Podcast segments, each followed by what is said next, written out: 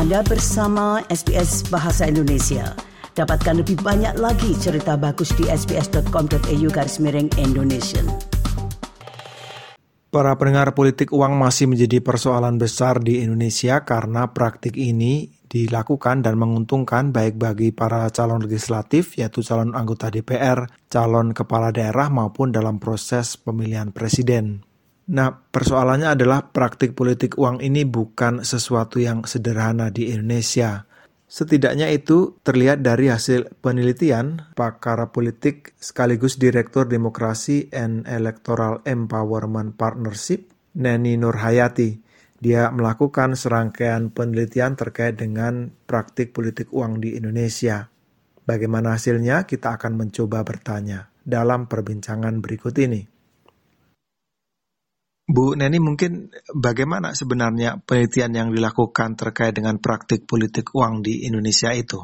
Pendekatan teori yang saya gunakan itu adalah disonansi kognitif Leon Postinger ya, di mana bahwa apa yang diyakini gitu ya, apa yang diyakininya itu berbeda dengan perbuatannya gitu. Jadi apa yang dia pikirkan itu e, ketika berbuat itu tidak selalu sama gitu. Nah, pada akhirnya saya menguji teori itu kan Pak Lalu dari situ tuh saya melihat bahwa ternyata kelompok-kelompok tuh rata-rata Pak yang menjadi objek politik uang itu adalah yang ada di pelosok-pelosok daerah yang secara perekonomian itu mereka tuh sangat timpang gitu ya. Belum lagi kondisi memang literasi kita itu yang masih sangat minim, sangat minim terutama berkaitan dengan informasi-informasi kepemiluan. Siapa loh Pak yang tahu misalnya di pilkada itu bahwa pemberi dan penerima itu sama-sama dikenakan pidana? Enggak ada. Kelompok-kelompok itu sama sekali mereka mereka bilang yang nggak tahu gitu. Berarti artinya kan literasi itu kan nggak sampai Pak kepada kelompok-kelompok rentan di di bawah itu. Termasuk juga mungkin masyarakat kelompok perempuan yang menjadi representasi masyarakat adat, kemudian disabilitas, transgender itu kan kelompok-kelompok yang jarang disentuh sama penyelenggara pemilu. Mereka itu kan cuma tahu, ada misalnya yang tahu ya, politik uang itu definisinya apa, itu kan nggak clear juga Pak ya. Lalu kemudian politik uang itu sendiri apa? Bagaimana itu dilakukan atau bagaimana batasannya? Apa yang disebut kemudian dengan politik uang? Kalau kita lihat kan di undang-undang ada barang, jasa gitu ya, dan atau bahan materi lainnya. Ketika di situ ada tercantum bahan materi lainnya, ya orang mana paham Pak politik uang itu juga yang di luar uang tapi e, masuk dalam kategori bahan materi lainnya. Ketika dikonversi 60 ribu yang itu bahan kampanyenya tidak terdapat dalam PKPU tahapan kampanye itu juga politik uang. Nggak paham sampai situ pak. Hmm. jadi pada akhirnya ya ternyata pertama literasi itu sangat minim ya pak ya sampai tingkat tingkat grassroots ya terutama di kelompok-kelompok perempuan tapi ada juga kasus sebetulnya yang sangat menarik, Pak. Seperti misalnya di kota Tasikmalaya ya, Pilkada 2017. Itu banyak, Pak, ibu-ibu yang dilakukan klarifikasi karena menerima waktu itu tabung gas, saya ingat betul, tabung gas 9 kilo itu kan lumayan ya, Pak. Hmm. Tabung gas 9 kilo. Terus kemudian ada ibu-ibu PKK yang menerima batik tuh, Pak batik yang ketika dikonversi waktu itu 2017 tuh harganya masih eh, uh, 25 ribu kan belum naik kan uh, bahan uh, apa uh, di bahan kampanyenya itu yang sekarang kan 60 ribu dulu kan 25 ribu.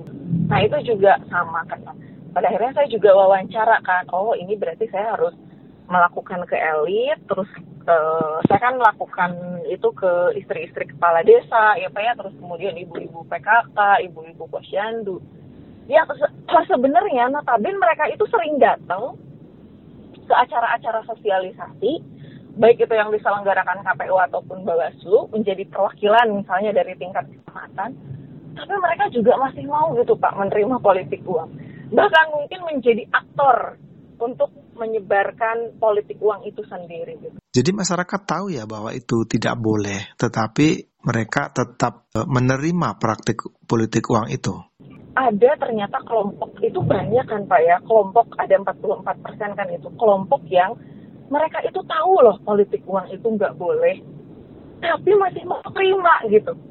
So that saya katakan bahwa kondisi kondisi pemilih kita hari ini tuh moral hazard, gitu. hmm. moral hazard pemilih.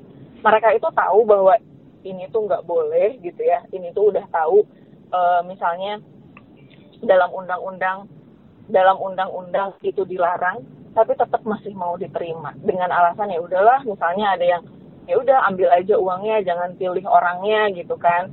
Kalau di pemilu karena kan di pemilu itu pak yang kena itu kan pelaksana tim kampanye peserta pemilu.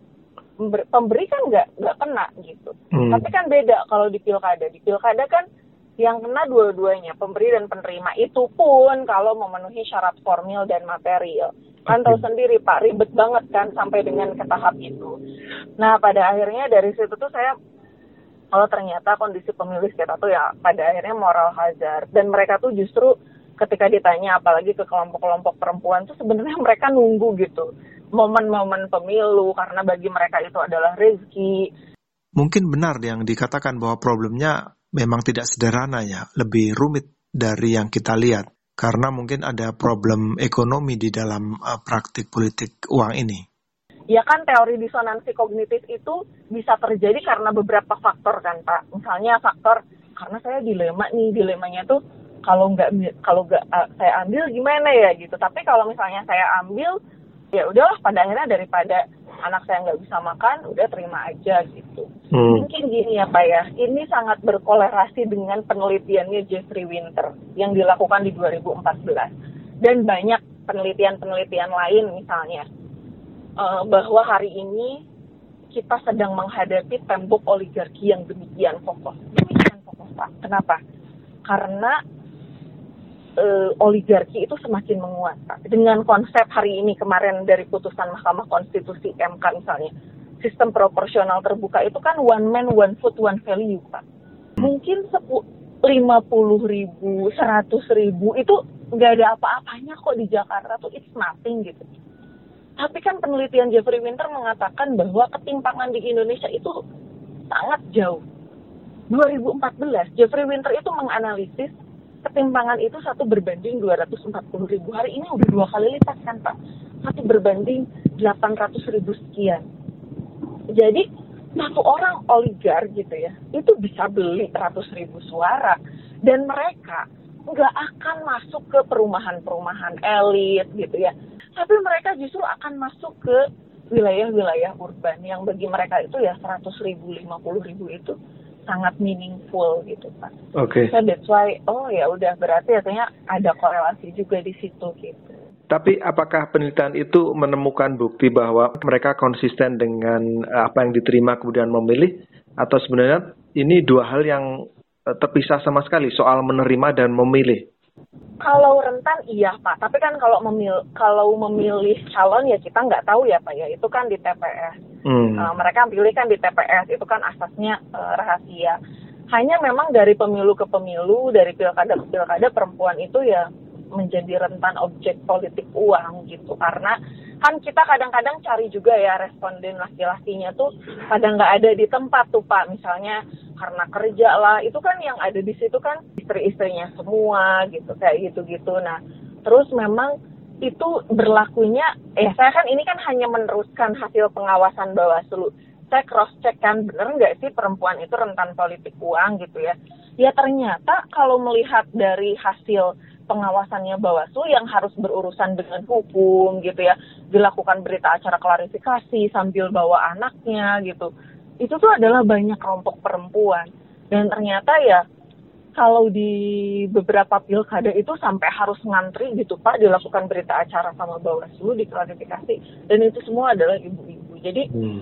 ya laki-laki juga mungkin rentan ya Pak ya. Cuman mungkin proporsinya tidak sebesar perempuan Para pendengar, Neni Nur Hayati, Direktur Demokrasi and Electoral Empowerment Partnership, memaparkan untuk kita bagaimana hasil penelitiannya yang mengungkap tentang praktik politik uang di Indonesia, terutama dalam proses pemilu, pemilihan kepala daerah, dan pemilihan calon anggota DPR atau DPRD.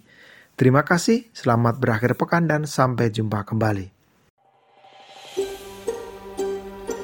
Sukai, berbagi, komentar. Ikuti SBS program Bahasa Indonesia di Facebook.